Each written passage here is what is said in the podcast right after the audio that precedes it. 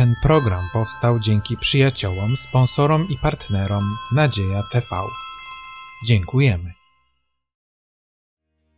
Witam wszystkich widzów telewizji Nadzieja TV na kolejnym studium Słowa Bożego w Kościele Adwentystów Dnia Siódmego w Podkowie Leśnej.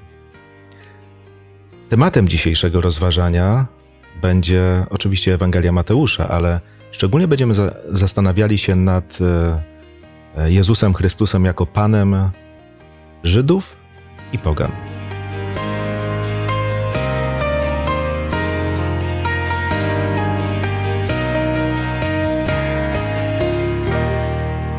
Razem ze mną w rozważaniu Słowa Bożego biorą dzisiaj udział Olga, Ewa oraz Halina. Ja na imię mam Mariusz. Chciałbym, żebyśmy to wspólne rozważanie Bożego Słowa rozpoczęli modlitwą. Boże i Panie, jesteśmy przed Twoim obliczem. Za chwilę chcemy rozważać Twoje słowo. Świadomi swoich słabości, prosimy o Twoją moc i Twoją mądrość. Ty przychadzaj się w naszych myślach, aby to były Twoje myśli pod Twoim natchnieniem, aby one były jasne, zrozumiałe i odzwierciedlały to, co Ty chciałeś powiedzieć dla nas ludzi. W imieniu Twoim, Panie Jezu, składam tą modlitwę i o to proszę. Amen. Amen. Dzisiaj e, skoncentrujemy uwagę swoją szczególnie na dwóch rozdziałach Ewangelii Mateusza. E, na rozdziale 14 i 15. Oczywiście będziemy sięgali do różnych urywków Pisma Świętego, ale, ale tam szczególnie chcemy zauważyć e, taki uniwersalny charakter misji, w ogóle nauki i misji Pana Jezusa. Niemniej chciałbym rozpocząć od pewnej wypowiedzi, która znajduje się już w Starym Testamencie. E, otóż, e, kiedy czytamy 42 rozdział Księgi Izajasza, znajdujemy tam e, taki urywek, który zatytułowany jest Pieśń o słudze Pana. Jest to taka prorocza zapowiedź Mesjasza, który ma się pojawić, i tam między innymi czytamy tak.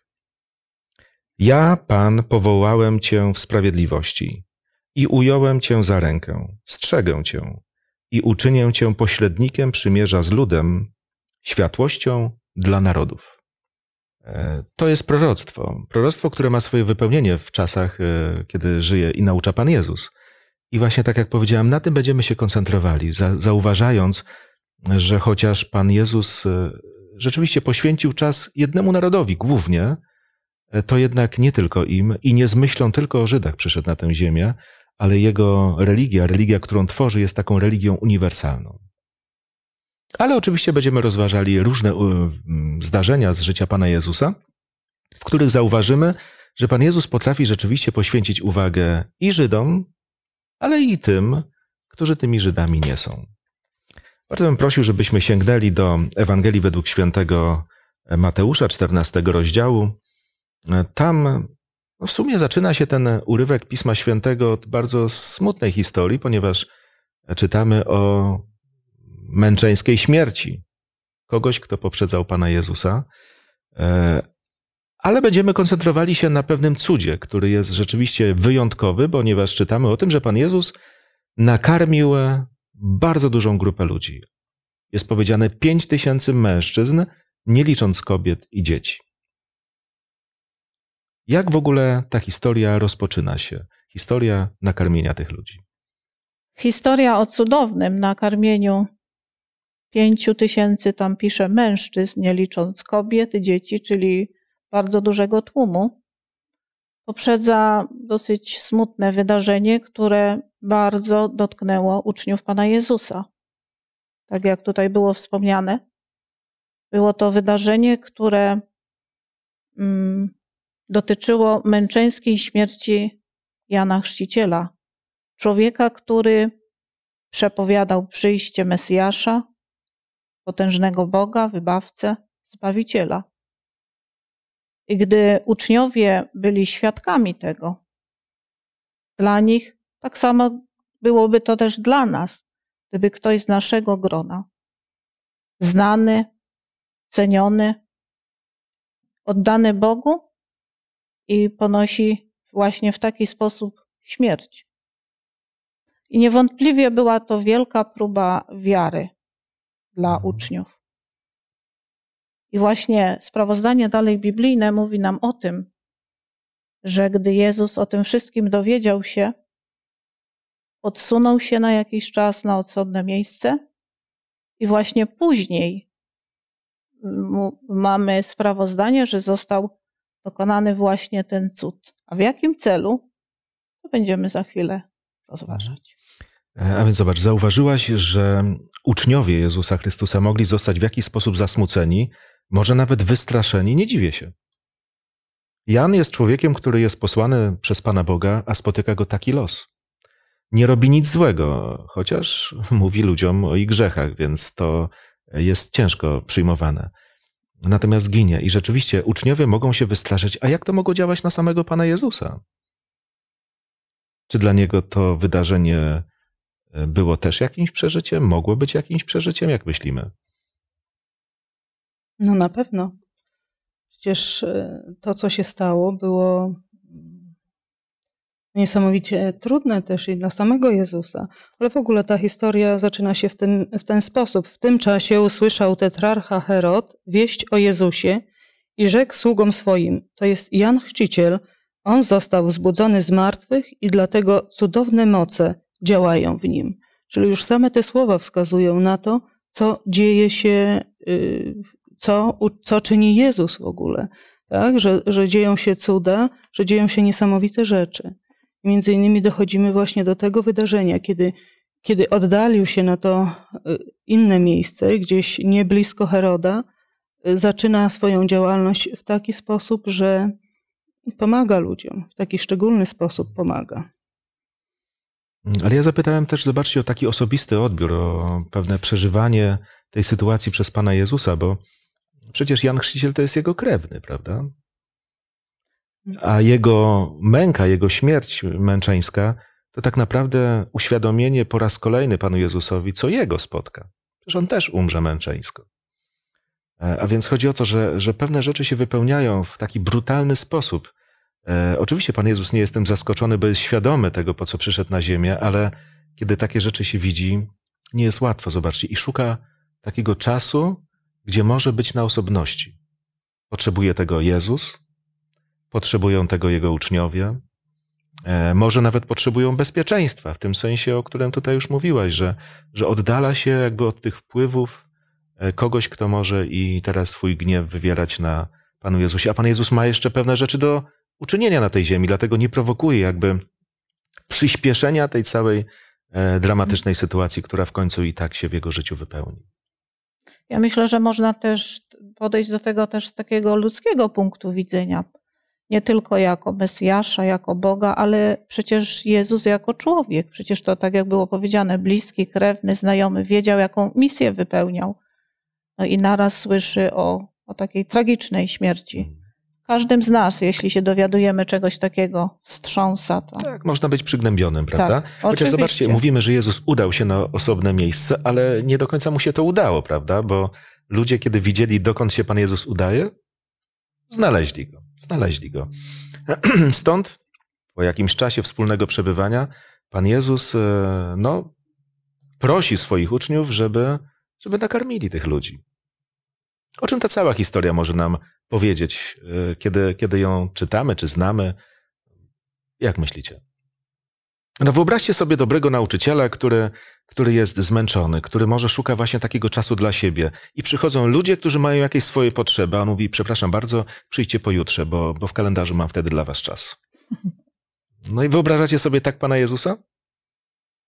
No nie dość, że koncentruje się na ludziach, pomaga im w taki szczególny sposób, bo czytamy o, tyż, o tym, że wielu zostaje uzdrowionych, ludzie ze swoimi potrzebami, tymi czysto fizycznymi, przychodzą do Jezusa no i, i nie mają w tym momencie co jeść, już jakiś czas przebywają z Nim. Tak? Jakieś zapasy ich się wyczerpały, chodzą za tym Jezusem.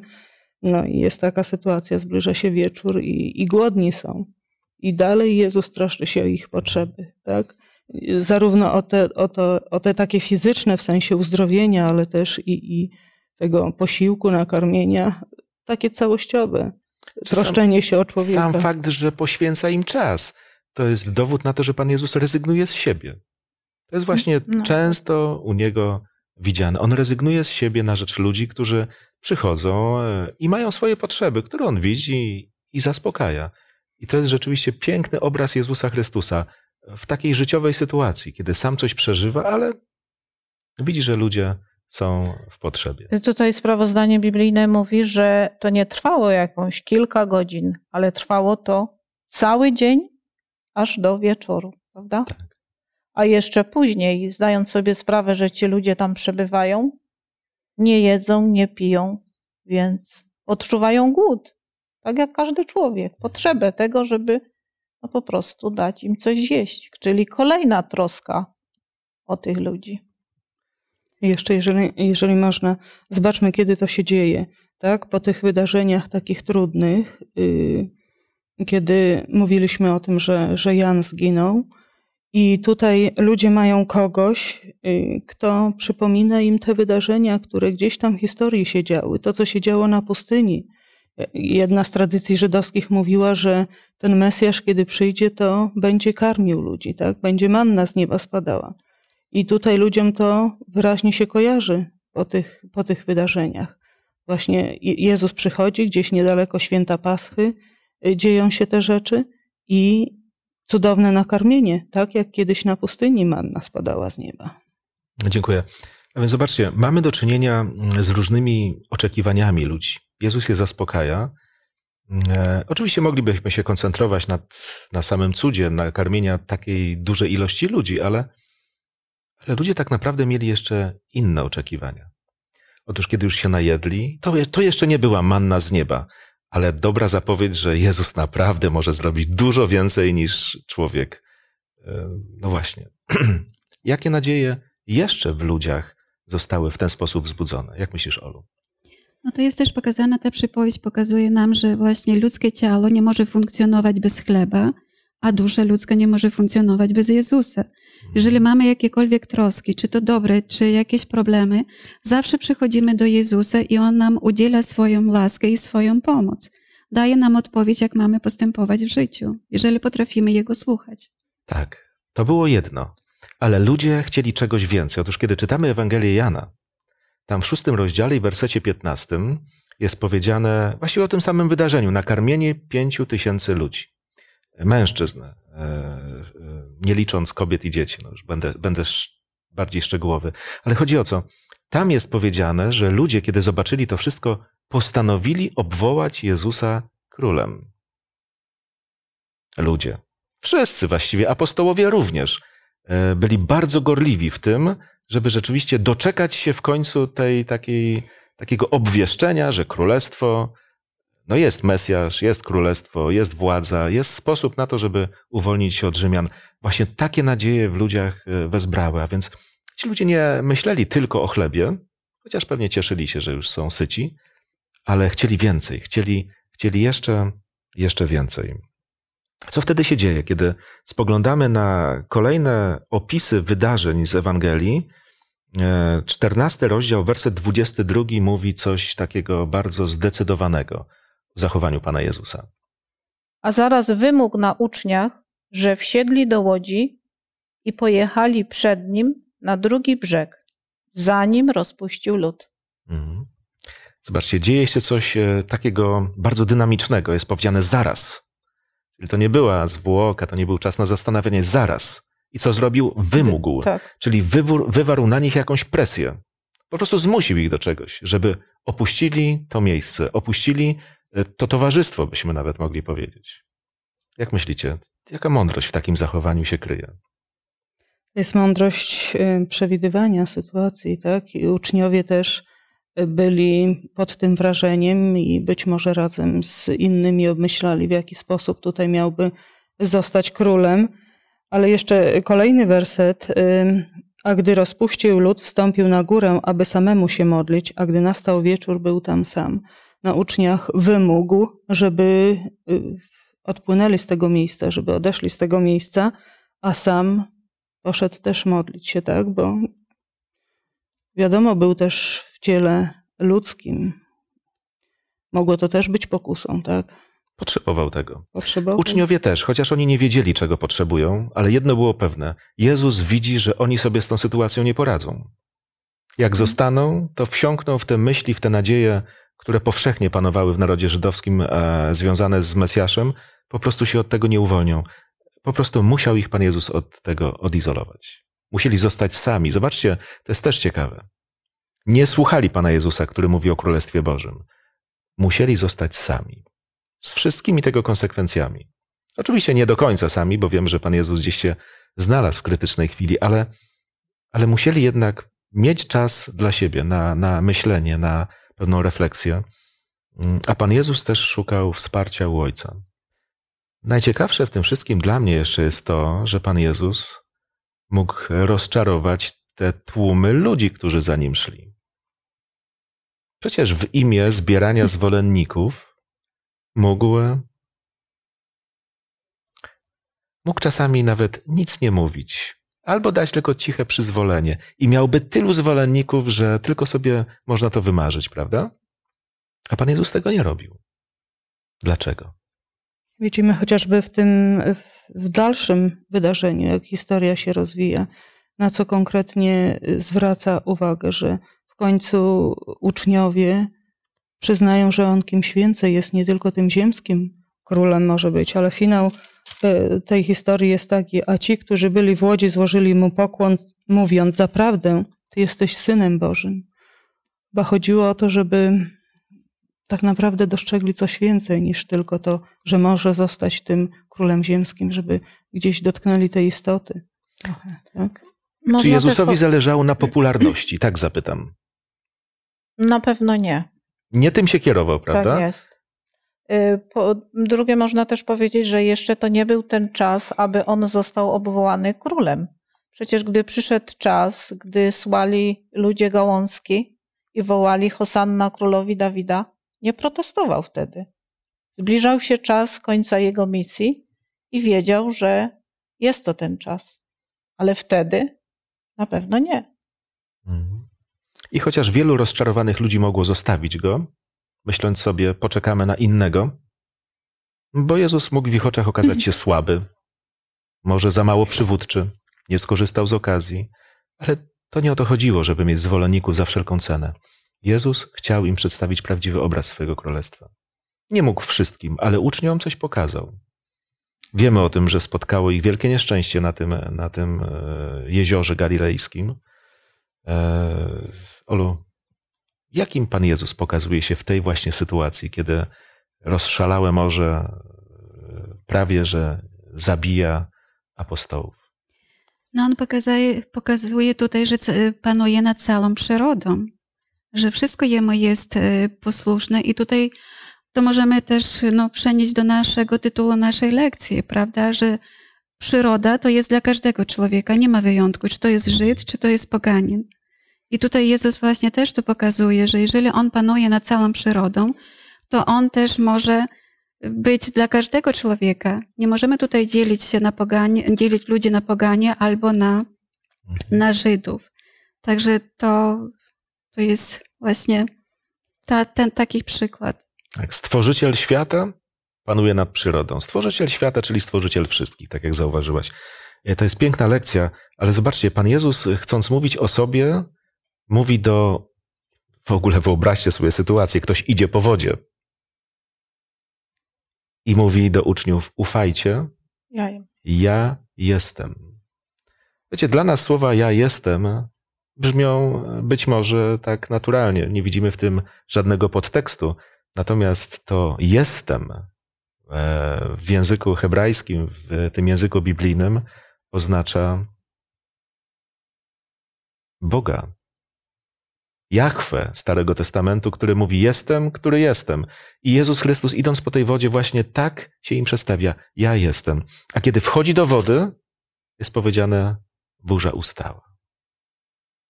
Uczniowie rzeczywiście zrozumieli coś, czego nie mogli zrozumieć wcześniej. Ale musieli się przy tym trochę nacierpieć, niestety. Nie z winy Pana Jezusa. Na pewno nie. No tutaj nawet y, przykład Piotra, który zwątpił, prawda, który od y, e, swój wzrok skierował w, w, inną stronę, nie patrząc na Jezusa i później woła, że Panie, ratuj mnie. Mhm. I tutaj też widzimy, że to wolanie jest również naszym wolaniem, e, bo kto może uratować nas, jeżeli nie Jezus Chrystus i nie Bóg? No właśnie, zobaczcie. Przyszli ludzie, którzy mówili, to jest Mesjasz. Tak sobie go jakoś po swojemu wyobrażali, a nagle okazuje się, że takim ratunkiem dla Piotra jest to, gdy spogląda na Pana Jezusa, gdy go słucha. To Pan Jezus podaje mu rękę, to on go wyciąga z tej topieli i wchodzą razem do łodzi. E, I więc nie tylko Pan Jezus pokazuje, kim jest, ale także pokazuje swój sposób zbawienia człowieka. Ufajcie, mówi, o małowierni. A więc to są elementy, na których człowiek powinien się koncentrować, a nie na zasadzie takiej, że w końcu będziemy rządzili światem całym. Nie tylko my będziemy wolni, będziemy rządzili całym światem. Zobaczcie, Pan Jezus występuje przeciwko takim, e, takiemu nacjonalistycznemu spojrzeniu na religię. Historia ważna w każdym czasie. Tak łatwo właśnie ograniczyć e, Boga dla siebie, do siebie, do swojego narodu, do swojej religii, do, wiecie, no, człowiek jest trochę egoistyczny w swoim zachowaniu. Pan Bóg mówi, ja tak naprawdę jestem zbawicielem wszystkich ludzi. Panuję nad całym światem. Chcę pomagać wszystkim ludziom, ale na moich zasadach. To On jest Zbawicielem. W tej historii Go widzimy jako tego, który naprawdę może zaspokoić wszystkie potrzeby ludzi. Ale bycie władcą świata to nie jest Jego plan w tym momencie. Nie tak, jak to ludzie sobie wyobrażali. Ale tu jest też taka ciekawa myśl, że e, Jezus przychodzi dopiero w momencie, kiedy zagraża im już wielkie niebezpieczeństwo. Czytamy, że oni cały czas płynęli jakby pod prąd. Były te fale przeciwne, bardzo wielkie. Po prostu ich siły już wyczerpują się. I dopiero nad ranem pisze o czwartej straży nocnej zjawia się Jezus na morzu i mówi: Ufajcie, jam jest. Czy Tak. wcześniej nie był? Tak samo. Cały czas czuwał, żeby na pewno ta łódź nie zatonęła, żeby ci uczniowie nie zginęli, ale to była pewna próba również. Kolejna próba. Jest to kolejna próba e, na łodzi, którą przeżywają uczniowie, bo to jest już druga, prawda? Wtedy, gdy Jezus pierwsza, gdy spał w łodzi spokojnie, a teraz, gdy przychodzi. Ale też nie tylko na słowach się to kończy, tak? Ufajcie, ja jestem, Tak. nie bójcie się, tylko konkretnie pokazuje, że jest władcą, że jest, jest, no bo kto może zapanować nad żywiołem? Ja nie wiem, jakiemu człowiekowi się tak udało, żeby na jego słowo to się stało. Widzimy, że na słowo Jezusa ucisza się wszystko, panuje, jest władcą tego wszystkiego. Ale zobaczcie, bezradność człowieka nie jest największym problemem. W tej historii tak naprawdę widać, że, e, że właśnie aktywność człowieka jest problemem, bo czasami ta aktywność jest bardzo dziwna, taka, no w sumie nie przesadzę, jak powiem, bezbożna. Bo Bóg ma swój plan, ja mam swój plan, jestem aktywny. y, Po swojemu. Ci ludzie chcieli go posadzić na tronie. I to było bezbożne. Nie mieściło to się jej w umysłach, ale to było bez Boga. Natomiast ta bezradność to właśnie był dar od Pana Boga, w którym mogli poczuć, kim są i mogli w końcu doświadczyć, kim jest Jezus. A więc widzimy to, kim jest, widzimy też, w jaki sposób ratuje, w jaki sposób zbawia człowieka. Mm, Ale zobaczcie, kiedy mówimy o e, tym, że Pan Jezus jest e, Bogiem e, Żydów i Pogan, to chociaż bezpośrednio ta historia wiąże się z jego narodem, narodem żydowskim, to już widzimy, że jego działanie wybiega jakby ponad, ponad tylko potrzeby tego narodu. Chciałbym, żebyśmy przeszli do kolejnego urywka Ewangelii, który e, jest zawarty w 15 rozdziale. A mianowicie tutaj czytamy o tym, e, co nastąpiło e, wtedy, kiedy Pan Jezus musiał się w jakiś sposób skonfrontować z takimi poglądami na religię. Co się takiego wydarzyło? E, Tutaj mamy w wersetach od pierwszego do dwudziestego opisaną historię, w której widać, że Pan Jezus jakoś bezkompromisowo pewne rzeczy określił, nazwał. No, ludzie mieli też co do pomyślenia. Co się wydarzyło? Tutaj mamy sytuację, kiedy mm, przychodzą do niego uczeni w piśmie faryzeusze i no, strofują w sumie Jezusa. Dlaczego twoi uczniowie jedzą nieumytymi rękami? Tak? W jakimś, jakiś szczególny sposób nie obmywają tych rąk. No i Jezus y, wypowiada takie słowa, werset 11 z tego 15 rozdziału. Nie to, co wchodzi do ust kala człowieka, lecz to, co z ust wychodzi. I werset 19. Z serca bowiem mhm. pochodzą złe myśli, zabójstwa, cudzołóstwa, rozpusty, kradzieże, fałszywe świadectwa, bluźnierstwa. Zwraca uwagę na sedno, nie tylko na to, co widzimy z zewnątrz, tak? na jakieś zwyczaje, na jakieś y, y, ustalone rytuały, ale mm, to, co jest istotą y, w człowieku, mówi o tym, że o wiele większą, większe zło wyrządza to, co z człowieka wychodzi, bo tak naprawdę to, co jest w sercu, to jest na ustach i może wiele złego zdziałać. Natomiast sytuacja rozwija się następująco. Jest tutaj powiedziane o faryzeuszach, uczonych w piśmie, którzy mówią, dlaczego uczniowie twoi przystępują naukę starszych. Wiecie, to warto krótko wyjaśnić. E, problemem nie jest to, znaczy, źle zacząłem. Nie chodzi o to, żeby nie myć rąk przed jedzeniem. Tutaj wydaje mi się, że nie będziemy dyskutowali na ten temat. Wiadomo, że warto umyć ręce przed jedzeniem. Z tym, że to umywanie rąk, o którym czytamy w Ewangelii, dotyczyło czegoś zupełnie innego. To były pewne ceremonie, rytualne obmycia, które zresztą ci ludzie byli specjalistami w wymyślaniu tego, jak to człowiek może się zanieczyścić i szukaniu odpowiedzi, jak to człowiek może się oczyścić. I to zajmowało im całe życie. I dlatego Pan Jezus mówi: Słuchajcie, to co tutaj było czytane już, patrzcie na serce. A tak dokładniej powołuje się na wypowiedź z księgi proroka Izajasza, gdzie jest powiedziane: Ponieważ lud ten zbliża się do mnie tylko w słowach i sławi mnie tylko wargami, podczas gdy serce jego jest z dala ode mnie, ponieważ jego cześć dla mnie jest tylko wyuczonym przez ludzi zwyczajem. Zobaczcie, na czym może koncentrować się człowiek. Nauka starszych, zwyczaje, to co na ustach, pozory, udawanie, prawda? Takie, no można powiedzieć, poprawne zachowanie religijne. Czy Pan Bóg się tym zadowala? Nie, Jezus Chrystus tutaj zdecydowanie po, e, no, potępia obludę. No każdy z nas ma jakieś takie, no nie wiem, cechy wrodzone, niewrodzone, ale skłonność właśnie dostrzegać wady u innych ludzi, nie widząc u siebie.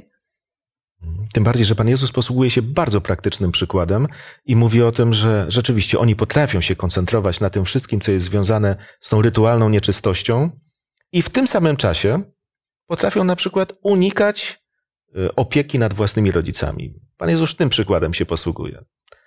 Mówicie, to, co ja chcę ofiarować Panu Bogu, daję na świątynię, a rodzice, rodzice niech sobie sami radzą. I Ale... wtedy im się wszystko zgadza, zobaczcie, nie? E, zajmują się religią, można powiedzieć, 24 godziny na dobę, ale tej sprawy, którą powinni mieć w pierwszym rzędzie na uwadze, tym się specjalnie nie ekscytują, nie przejmują, nie wykonują swoich obowiązków jako dzieci w stosunku do swoich rodziców. Dlatego Pan Jezus naprawdę patrzy na ich serca, bo wie, co jest w ich sercach, ale patrzy na konkretne zachowania, które są owocem właśnie takiego obłudnego podejścia do, do religii. Tutaj możemy też zauważyć taką tradycję u nich, przekazywanie poglądów, jakichś nauk z pokolenia w pokolenie. I to nie tylko w tamtym czasie to było. Czy dzisiaj tego nie zauważamy, że często ludzie bardziej chcą się trzymać tradycji, często nawet w rozmowie z ludźmi, a to nasi ojcowie tak postępowali, to my też tak. Tak zostaliśmy wyuczeni. A gdzie w tym są nakazy i przykazy, przykazania Boże? Gdzie w tym jest jeszcze serce dla Boga no i serce dla ludzi, prawda? Bo nie chodzi o pewne pozory. A więc y, Pan Jezus mówi o, o zjawisku, tak jak zauważamy, powszechnym. Nie mówimy, że ludzie mają problem, tylko my mamy taki problem z obłudą. No Może tak. to trudno powiedzieć, że my mamy taki problem, ale mamy. To jest naprawdę pewien problem ogólny dla człowieka. Tak, dlatego że to studiujemy jako nie historię, ale jako na obecny czas dla każdego człowieka, bo Życie. Słowo Boże jest dla każdego człowieka. No tylko może właśnie tak poddawać się trzeba Bogu, żeby umieć zauważyć własną obłudę. Bo wiecie, mówić o cudzej obłudzie to jest bardzo łatwe, prawda? To no jest tak, taka a ocena. i potępiać. Tak, tamtym ludziom też to łatwo przychodziło. Chodzi o to, żeby nie popełniać tych samych błędów, chociaż być może w wydaniu XXI wieku. Bóg oczekuje na prawdziwą religię, religię serca, religię wierności Bogu, ale w sprawach, które On określił.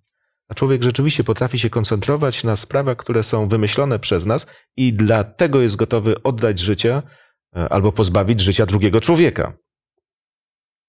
Ale samemu rozmijać się z tymi Bożymi, Bożymi planami. Ale idźmy dalej, słuchajcie, bo w tym e, 15 rozdziale Ewangelii według świętego Mateusza mamy taki ciekawy opis, kiedy Pan Jezus jakby opuszcza tereny, które zamieszkują jego rodacy i udaje się w okolice Tyru i Sydonu. I bardzo bym prosił, żeby ktoś z was przeczytał e, z 15 rozdziału od wiersza 21 do 28, bo jest to bardzo ciekawa historia. I wyszedłszy stamtąd, udał się Jezus w okolice Tyru i Sydonu. I oto niewiasta kananejska, wyszedłszy z tamtych stron, wolała mówiąc, zmiluj się nade mną, Panie, synu Dawida. Córka moja jest okrutnie dręczona przez demona. On zaś nie odpowiedział jej ani słowa. I przystąpiwszy uczniowie jego, prosili go mówiąc, odpraw ją, gdyż wola za nami. A on odpowiadając rzekł, jestem posłany tylko do owiec zaginionych z domu Izraela. Lecz ona przyszła, złożyła mu poklon i rzekła, Panie, pomóż mi. A on odpowiadając rzekł, niedobrze jest brać, y, jest brać chleb dzieci i rzucać szczeniętom. Ona zaś rzekła, tak, Panie, ale i szczenięta jedzą okruchy, które spadają ze stołu panów ich. Wtedy Jezus odpowiadając rzekł do niej, niewiasto, wielka jest wiara Twoja, niechaj Ci się stanie jak chcesz. I uleczona została jej córka od tej godziny. Dziękuję bardzo. Pan Jezus mówi, że został posłany do owiec, które zginęły z domu Izraela, więc być może, być może to nasze rozważanie do tej pory nie do końca było prawdziwe. No bo jak patrzymy na podejście Pana Jezusa do tej kobiety, to no właśnie, jak zrozumieć tę historię? Jezus jest nagle nieczuły, okrutny, niegrzeczny, niekulturalny. No dzisiaj byśmy mogli powiedzieć, to się nie wpisuje w obraz Pana Jezusa, gdy tak sobie tradycyjnie o nim myślimy. No Jak na tę historię można spojrzeć? Myślę, że nawet y, można ją powiązać z tymi słowami, o których mówiliśmy przed chwilą, co jest w sercu człowieka. Y, Tutaj Jezus bardzo em, dobitnie y, wyprowadza na światło dzienne, co jest w jej sercu. Tak? Y, Jest takie powiedzenie, jeżeli chcesz y, sprawdzić człowieka, poznać, co jest w jego sercu, to albo obdasz go jakimś pochlebstwem, albo skrytykuj. I tutaj widzimy, jakoby Jezus krytykuje tą, y, tę kobietę. Tak? I widzimy taka reakcja jej bezpośrednia na to, co się dzieje, pokazuje, jak jest jej wnętrze, co jest w tym sercu, ile jest pokory. Tak jak w jednym z wcześniej, wcześniejszych studiów y, przywołaliśmy chociażby setnika, który był tak pokorny i tyle mu Jezus y, no, uzdrowił jego sługę. Tak? I tutaj też widzimy wielką pokorę. Jezus powiedział, że to jest y, niesamowita wiara u niej. Właśnie taka wiara, która objawia się tym, co jest we wnętrzu, takim sednem tego, co jest w człowieku. Nie obraziła się, nie, chociaż takie słowa były być może szorstkie, takie odbieramy, ale miała na tyle pokory, żeby uznać to, kim jest tak naprawdę. Wiecie, czy te słowa były szorstkie, czy nie, to my tego nie wiemy. Dlaczego? Bo nas tam nie było. Wiecie, czasami są e, prowadzone takie rozmowy e, w grupie ludzi, gdzie słowa to nie wszystko. Jeszcze trzeba zobaczyć czyjąś e, twarz, jego minę, jego gesty. Wiecie, czasami występuje taka ciekawa gra słów między ludźmi, gdzie, no właśnie, dopiero można zrozumieć, o co tak naprawdę chodzi. Ja bym jeszcze podkreślił, że to nie była rozmowa tylko w cztery oczy. Byli tam jeszcze uczniowie ze swoimi uprzedzeniami, ze swoim takim myśleniem na zasadzie odpraw ją. Niech nie chodzi za nami, prawda? Żebyśmy mieli święty spokój. No w końcu po co się idzie w okolice Tyry i Sydonu? żeby mieć święty spokój, bo tam Żydzi nie przyjdą.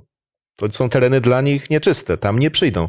Możemy być sami. No, Pan Jezus nie chce się jej pozbyć. Natomiast uczniowie mogą zobaczyć, z kim mają do czynienia, i myślę, że na jej tle, gdyby tak szczerze poddali się własnej ocenie, znaczy ocenie własnej osoby, by stwierdzili, że chyba te dzieci Boże są w różnych miejscach.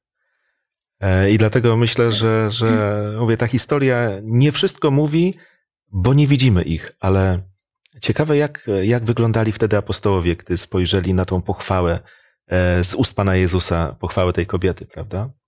I Ale- kiedy widzieli autentyczną jej wiarę i to, że naprawdę są warunki, żeby dokonać cudu i uzdrowić jej dziecko. Proszę bardzo. Ale właśnie chciałam podkreślić tutaj tą wiarę i ta wiara jest tak jak u Jakuba, który powiedział, że nie odpuszczę cię, dopóki mi nie pobłogosławisz. I właśnie ta kobieta, ona nie prosi o chleb ze stołu pańskiego, ale prosi tylko o kruchy. I wierzy, że uzdrowi Jezus ją, jej córkę. Mhm. Ja bym chciała też jeszcze powiedzieć, że to lekcja poglądowa dla uczniów i dla nas. Dlatego, że uczniowie, y, jak rozwijała się później ta rozmowa i do czego doszło, zrozumieli, że właśnie ta kobieta, ta kananejka, ta greczynka, która e, usłyszała o Jezusie, o jego czynach, i ona szczerze w to uwierzyła, dlatego przyszła i prosiła o pomoc, że tylko, tak jak się wyraża tutaj, Panie, to nie jest prorok ktoś, to jest mój Pan. I ona prosi o to. I również y, pokazuje tu, jak Jezus burzy bariery, które naród izraelski, naród żydowski wybudował, utworzył dla ludzi, którzy nie są z narodu izraelskiego. A Jezus pokazuje, że przychodzi dla człowieka. Dla każdego człowieka. Tego musi nauczyć, zobaczcie, apostołów. Czas płynie, misja Pana Jezusa powoli się będzie przecież Kończyć. zbliżała do końca i zobaczcie, udaje się w okolice Tylu i, Sydonu. Nam może się wydawać, że to jest, wiecie, taka krótka wycieczka, prawda? Poszedł i wrócił.